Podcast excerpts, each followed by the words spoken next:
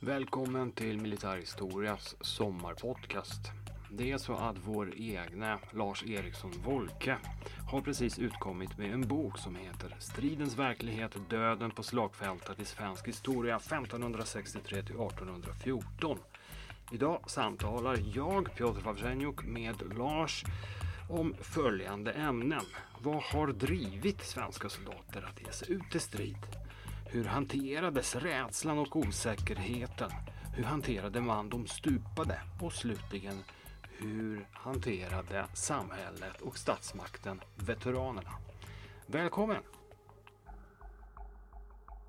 Lasse, du har en skrivit bok som eh, har döpts till Stridens verklighet, döden på slagfältet i svensk historia 1563 till 1814. Varför en bok om stridens verklighet? Ja, av egentligen det enkla skälet att jag tycker att det är en bok som, är, som har saknats. Ämnet är väldigt lite behandlat, mer än styckevis och delt. Eh, vi har ju mängder med militärhistoriska arbeten och nu talar vi om det svenska perspektivet. Då. Eh, och svensk militärhistoria, svenska eh, arbeten som då behandlar den väpnade striden eh, slaget vid Breitenfeld, Lützen, eh, Ölands södra udde och så vidare. Men där man bara glimtvis tar upp själva stridens verklighet som den sannolikt uppfattades av de som var med. Förlustsiffror och sånt finns ju hela tiden. Va? Så jag har försökt ha det perspektivet. Vad är det som har gjort att soldater och sjömän och befäl har lyckats, förmått att eh, Eh, ställa upp i stridssituationer, härda ut i stridssituationer, vilket naturligtvis inte alla har gjort. Men ändå, eh, alltså under de mest gräsliga och extrema förhållanden. Och eh, det är det jag har försökt närma mig, det perspektivet på militärhistorien helt enkelt. Och då är det då den svenska från Nordiska sjuårskriget på 1560-talet fram till och med kriget mot Norge 1814. Vad finns det för tidigare forskning om det här ämnet? Ja, som sagt i Sverige ganska lite, för att inte säga väldigt lite. Internationellt finns det ju en del. Och eh, det kan vi säga är två sorters forskning. Dels Eh, när det gäller den tidig moderna tiden, alltså från 1500-talet och fram till egentligen franska revolutionen, slutet på 1700-talet, eh, så mm, har man ju då brukat diskutera vad är det som får folk att vilja bli soldater överhuvudtaget. Och då har det, eller sjömän. Och då har det ju ofta då i äldre litteratur talats om eh, att de var pressade. Eh, Drevs in i det här med våld bokstavligt talat och hölls kvar med våld också. Eh, det kunde gälla den engelska flottan, det kunde gälla den preussiska armén som extremer då. Um, och det där har väl inte helt förlorat sin aktualitet men det är ganska mycket ny forskning då i många länder som har lyft fram att det fanns också en lockelse att bli soldat. Då. Att um, du fick en uh, professionsidentitet, skulle man säga. Eh, där, och du fick ett eh, säga, någorlunda säkert yrke givet att du klarade dig helskinnad. Eh, och du fick en inkomst, du fick status, du fick eh, kläder som kanske åtskilde dig från eh, det civila samhället. Eh, du, fick, eh, du ingick i ett kollektiv där man hade en gemensam identitet. Det är många som har pekat på detta också. Så att det fanns en lockelse att bli soldater. Och det är det ena, att man väljer yrket. Och i det ligger naturligtvis den här risken att man också ska eh, hamna i strid. Eh, att stupa, att dö av sjukdomar eller andra orsaker, att eh, bli invalid och så vidare. Men att den här lockelsen har varit så stor så att man ändå har eh, sökt sig aktivt till det militära. Och eh, sen finns det ju då i en del länder, inte minst i Finland, i Tyskland, i USA och så vidare. En hel del forskning, inte minst när det gäller modernare tid, eh, så 1900-tal, eh, om hur soldater har upplevt den väpnade striden och sådana saker. Så det finns en, del, en hel del sånt att anknyta till även om det är magert på svensk sida. Men om vi går till själva striden. Vilka faktorer har påverkat officerares och soldaters, även sjömännens då, uppträdande i strid? Egentligen är ju då grundfrågan, hur får man dem att, vad är det som får dem att stå kvar när det är som farligast? Egentligen. Att inte fly. Alltså den reaktion som man kanske som biologisk varelse har då någonstans. Att ska jag rädda livhanken så ska jag röra mig härifrån och det är väldigt fort för att förenkla det grovt. Då. Ehm, då är det naturligtvis reglementen, instruktioner som säger att nu ska du lyda order, du ska befin, uppföra dig på det här, uppträda på det här sättet och så vidare i en stridssituation. Du har ingen egen valfrihet. Det är en sak order naturligtvis eh, från befälet. Men också eh, det kanske viktigaste att det fanns en, eh, ska vi säga en Vissa pratar om manlighetsdyrkan, mod. Att man får inte visa sig feg i en stridssituation. Och det gör man om man avviker. Och vad är det då för farligt med att visa sig feg? Ja, det är ju för att kamraterna ska se att man är feg, va? som det uppfattas då. Och då, då börjar vi närma oss det kanske viktigaste som då internationell forskning trycker på också när det gäller till exempel världskrigen. Att, att det är eh, kamraternas roll som är så viktig. Förhållandet till kamraterna. Eh, tryggheten att tillhöra den lilla gruppen. Vi talar min, ett halvdussin personer, kanske uppåt 10-12. Tidigare under karolinsk tid skulle man kunna tala om tältlaget. Då. Matlaget talar man om i vissa arméer. Alltså de som är kompisar och som svetsas samman i, av, av faran. Eh, behöver inte betyda att man gillar varandra, men man är beroende av varandra. Och det, och det gör att sådana här saker som nationalism, eh, religiös tro, propaganda om varför man för krig och så vidare. Ja, sånt spelar naturligtvis en roll. Va? Men, och det är naturligtvis jättesvårt att vikta det här. Men att det förmodligen ändå spelar mindre, mindre roll. Och det där kan man ju se att och, i den omvända situationen att soldater som ingår i en krigsmakt um, där de själva tillhör en annan nationalitet eller upplever sig tillhöra en annan nationalitet. Ja, de har en mindre lojalitet till den här krigsmaktens gemensamma ansträngningar. Det finns någon undersökning bland annat av från första världskriget, tyska armén och polska förband i den tyska armén. Hur man då har uppträtt på ett sätt som antyder att de inte känner samma engagemang för den tyska saken. Om jag uttrycker mig på det viset. Um, så att allt det här spelar ju en roll. Va? Och eh, religionen också viktig självfallet. Men där fanns ju också det här med fatalismen. att I fältpredikan på 1600-talet så hävdade ju prästerna att ditt öde är förutbestämt av Gud. Du kan inte påverka det egentligen. Om han har bestämt att du ska stupa, då stupar du oavsett hur du själv agerar egentligen på slagfältet. Och därmed så behöver du liksom inte fly. Va? Han har koll på vad som kommer att hända dig. Du kan inte påverka det. Återigen förenklat. Då. Um, sen är det självklart att väldigt många soldater, djupt religiösa de än kan ha varit, eh, inte köpte det här fullt ut. Självfallet. Då. Men hur, det finns alltså en massa faktorer, men kamratskapet är det viktigaste. Och varför just kamratskapet, lojaliteten med de närmaste så viktigt? Ja, för man behöver ju inte ens tycka om de närmaste, men man är beroende av dem. Sen, sen skapas det ju en gruppkänsla och en sammanhållning, va? ofta. Och eh, i den gamla indelta krigsmakten så var det ofta soldater som bodde ganska nära varandra, så de var bekanta och kände varandra från fredstid hemma. Så var det inte för de indelta sjömännen som plockades från olika kompanier. Men man, det uppstod ganska snabbt ett beroende. Ska vi överleva så ska, måste vi göra det här tillsammans. Ingen klarar sig ensam. Eh, och det här drevs ju ganska långt och det finns ju många skildringar av hur, eh, både internationellt och svenskt, hur man eh, upplever det här beroendet. Att man liksom inte får svika kamraterna.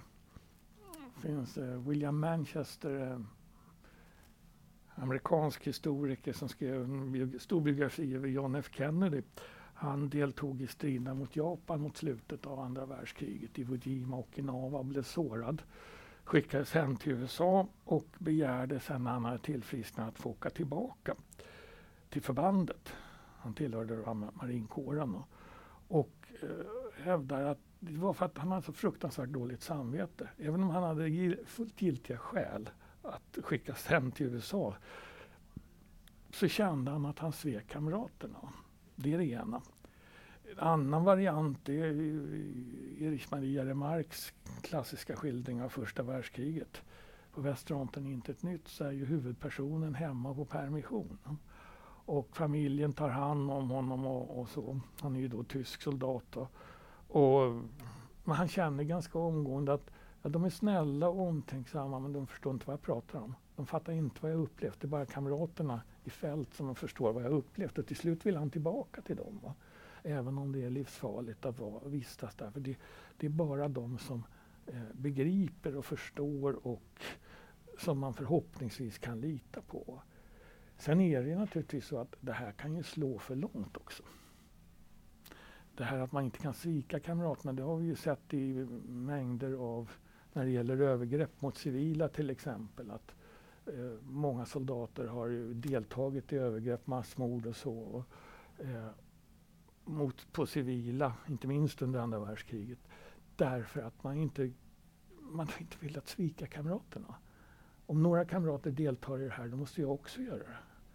Jag kan inte mäla ut mig. Oavsett vad jag tycker om det som nu håller på att ske.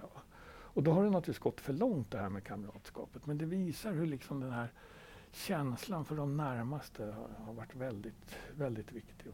Gruppsammanhållningens fördelar och brister. Ja men precis. Och åter till striden. Hur har man förberett sig inför striden? Går det att öva överhuvudtaget? Det, det, det, det, spontana svaret är naturligtvis att ja, men det går ju inte att öva i fredstid. Därför att man vet ju inte hur man kommer att reagera. Det är så extrema upplevelser i en stridssituation. Det är eh, folk reagerar olika och så vidare. Ja. Men samtidigt så om vi tittar på övningar som man höll framförallt under karolinsk tid, alltså det sena 1600-talet och det tidiga 1700-talet. Vi har ju berättelser från sådana på flera övningshedar eh, vid Kungsgården i Kungsör, inte minst på Ladugårdsgärde eh, i Stockholm. Så, så um, hade man sådana här stora övningar och de var ofta väldigt realistiska. Alltså det finns exempel med, på övningar under Karl XIs tid, det sena 1600-talet, när man har, förutom att ofta var upplägget att man har en skans och resterna av den finns ju fortfarande att skönja på Gärdet i Stockholm. Man har en skans som ska försvaras eller anfallas. Och då har man ofta skarpa vapen. Man har minladdningar och sådana saker. Vid något tillfälle så hissar man en dansk flagga över Skansen för att göra det extra, eh, trygga soldaterna extra. Men där är det ju många soldater som skadas. Och det finns exempel på övningar där vi har stupade också. Så man håller en vä väldigt eh, hög nivå vad gäller realistisk realismen. Det är väl ungefär det man kan säga. Och det, alltså det är ungefär som vi har, haft en diskussion om svenska flygvapnets stora förluster under 1950-60-talen. Att många plan som havererade och eh, flygförare och flygande personal omkom. Och det har man ju ibland förklarat med att man höll en sån hög nivå på skarp nivå på övningarna att eh, eh, det blev den här typen av effekter. Det, samma har vi eh, alltså tidigare i, i eh, svensk historia också. Men det är inte samma sak som att man ska vara säker på hur det... det men, men det är det sätt man har liksom att förbereda sig. Och när väl strider ägt rum eh, och olika kampanjer tynat ut, då är det ändå en mängd människor. De kommer tillbaka, även under tidig modern tid, fastän de var ju jämförelsevis en renil då, jämfört med idag. Men eh, då uppstår ju veteranfrågan. Hur har veteraner hanterats efteråt? Och då är det egentligen två sorts veteraner. Dels de skadade, invaliderna, de som rent fysiskt måste tas om hand. Då. Och där inrättar man ju på 1640-talet då eh, Vadstena krigsmanshus i de gamla klosterlokalerna. Och där då ett antal invalider, krigsinvalider får vård. Alltså. Och det från det här komplexet betalar man ju också ut understöd, statligt understöd till en del krigsinvalider. I vissa fall också soldat eller båtsmansänkor och faderlösa, faderlösa barn. Dock icke alla på något sätt, det räcker inte pengarna till. Eh, och, eh, men ändå att det och det är då väldigt mycket beräkningar kring detta. Man har till exempel i flottan, det har man då reglerat, eh, på, då är vi framme på 1700-talet, vad som krävs för att en båtsmansänka ska få ersättning. Då får ju, om båtsmannen stupar i strid, ja, då, är det, då är det inga konstigheter. Då ska hon ha någon form av ersättning. Um, sen får den vara aldrig så liten. Men säg att han skadas och så dör han x antal dagar, veckor eller månader senare. Eh, hur nära striden ska man dö för att det ska räknas som en konsekvens av striden? Det blir ju då alltid en gränsdragning. Va? Och eh, hamnar man på fel sida gränsen kan det naturligtvis bli väldigt orättvist. Eh, sen eh, var det så att eh, man tog ju om man hade framgång i striden, om man tar sjöstriden, så kunde man erövra fientliga fartyg. De såldes då ofta om man inte ville in, införliva dem med den egna flottan. Och då fick man pengar, så kallade prispengar, som då delades ut till alla som hade varit med. Ehm, förutom att kungahusets medlemmar också skulle ha en procent av det här. Då. Och där var det ju så att var det då en båtsmans, en änka eller faderlösa barn efter någon som hade stupat under striden, ja, då fick de del av de här prispengarna. Så att um, det är det ena, själva försörjningsbiten. Det andra är liksom, när börjar man hylla veteraner?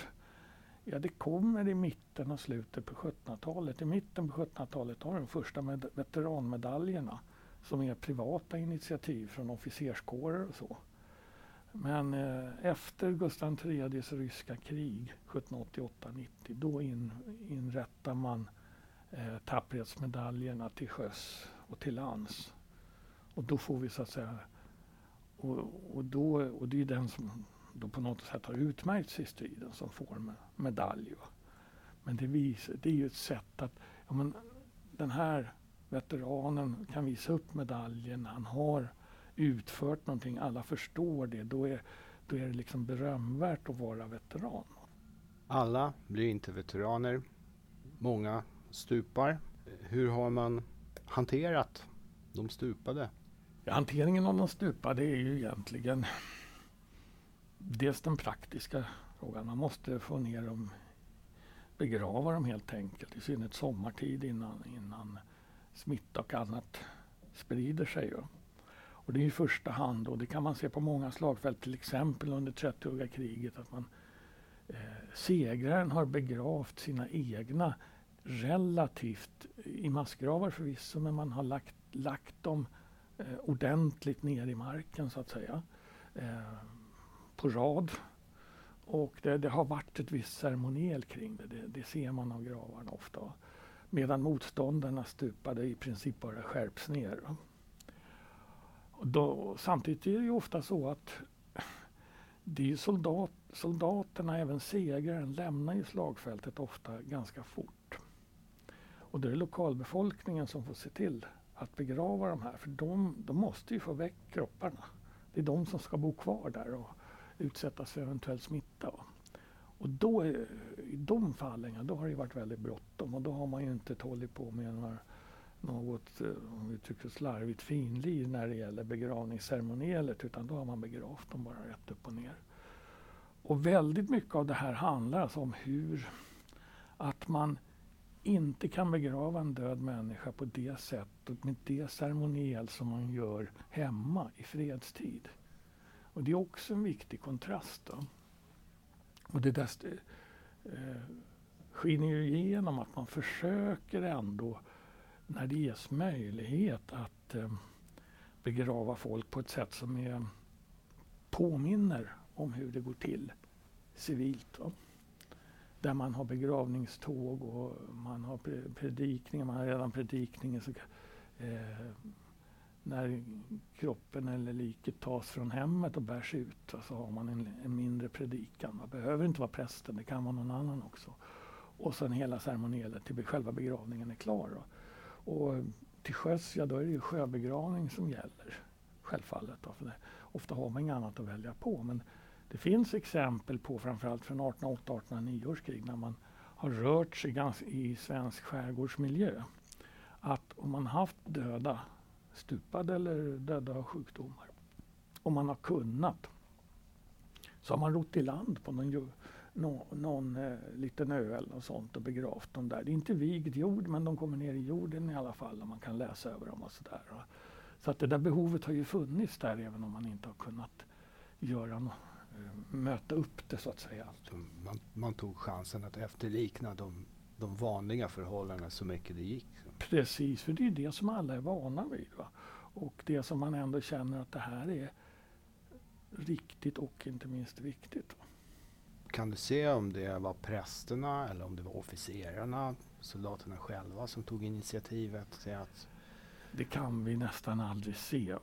Eh, rimligen bör det ju vara officerarna om inte annat som Eh, bestämmer att nu ska vi göra det här eftersom det kanske blir ett avbrott i annan verksamhet på ett sätt som eh, påverkar den. Så att säga. Om ett fartyg kastar ankar om man ror i land med en, en kropp till exempel. Ehm, samtidigt så är det ju så att eh, vördnaden för de döda, det finns ju en gräns. Och det, vördnaden för de döda är ju stor när det gäller eh, de egna döda men inte givet att de är det för motståndarens död.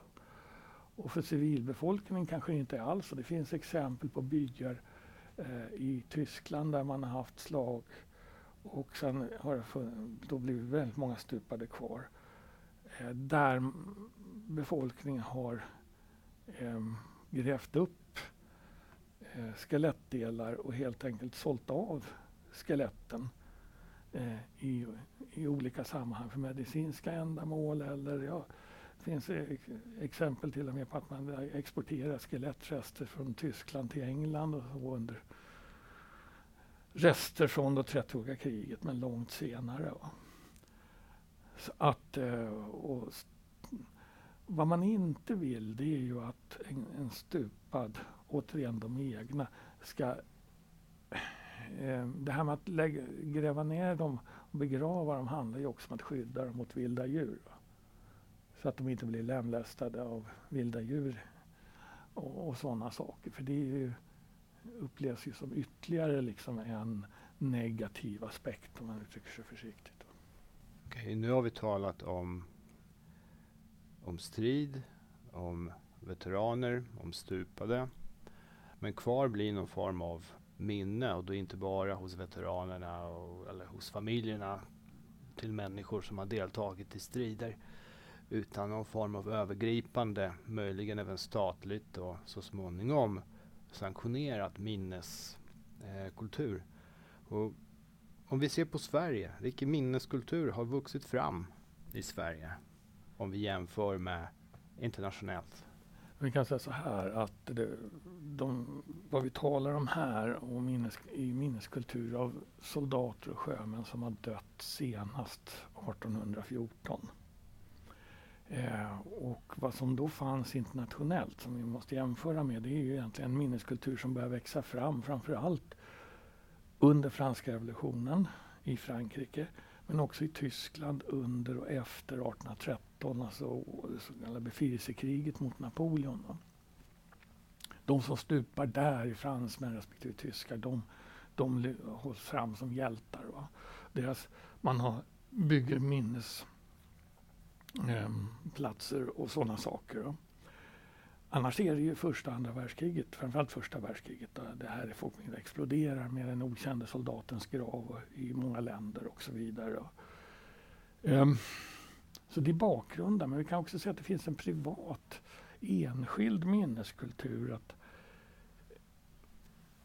När folk dör, inte nödvändigt, alltså framförallt i Norden, ska jag säga, då börjar 1848-49 i Danmark det första schlesiska kriget mot tyska stater. Där eh, det finns minnesstenar både på kyrkogårdar och ute i terrängen efter stupade. Och det finns sådana även efter svenska och norska frivilliga i det kriget. Och då har man minst dem så att säga på plats.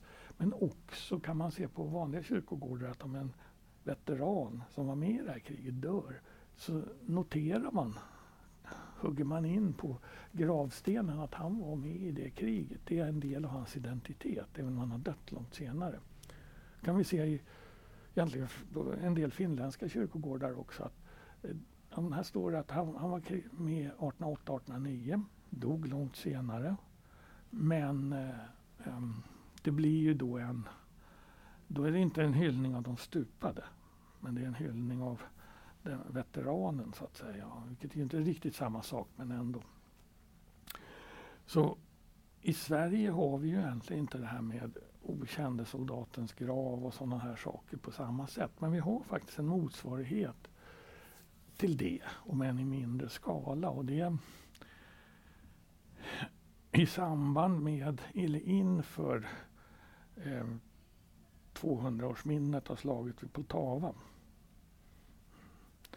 Eh, 1908-1909 så hade vi svenskar som besökte Poltava. Man grävde upp en, vad som man ansåg var en svensk massgrav och tog med sig en del eh, benrester bokstavligt talat som man förmodade var svenska, rester av svenska soldater hem till Sverige.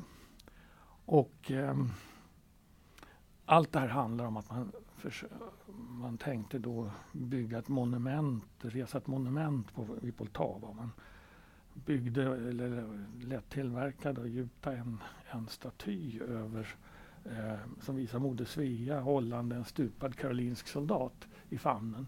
Det är den som står utanför Armémuseum Precis. bland pjäserna. Den står under ett av träden på Armémuseigården i Stockholm. Och det handlar helt enkelt om att man insåg när statyn var klar att ryssarna förmodligen inte kommer att vårda den här så här väldigt bra. Och att det är bättre än att få stå kvar hemma i Sverige. Och då de här skelettresterna, ja de förvarades ganska länge. Ehm, och sen 1958, när alltså 250-årsminnet börjar närma sig, så bestämmer man sig för att nej men de ska ner i vigd jord. Och så tittar man sig omkring och då återkommer man alltså till Vadstena, gamla klosterkyrkogården och begraver dem där. Och det är då Livgrenadjärregementet i Linköping I4 som har ceremoniell där med musikkår och grejer. Och, Som gör att, eh, och sen har man, och det är det närmaste vi kommer en okände soldatens grav. Vi vet ju inte vilka det var. Vi vet inte om eh, ens om det är svenskar, ärligt talat. Men det är själva tanken som så att säga räknas. Absolut. Jag har en reflektion att eh, man skulle ju säkert kunna implantera statyn nu, givet de nya politiska omständigheterna. Men då har ju minneskulturen åter ändrats och den svenska regeringen kommer nog inte att ombesörja att den här statyn hamnar vid Poltava någonstans. Nej, men det är fullt, eh, och det visar ju hur konjunkturerna förändras också. Och hur man ser på sådana här monument och så. Men, och vi kan ju titta på de stora eh, krigs, de här klassiska krigskyrkogårdarna från första världskriget i många håll i Europa, men inte minst i Frankrike, och Belgien då. Där det finns ju dessa mängder med kors, då, ofta vita kors. Men det finns ju också då, de byggdes ju efter första världskriget och då var ju Tyskland då den förlorande sidan.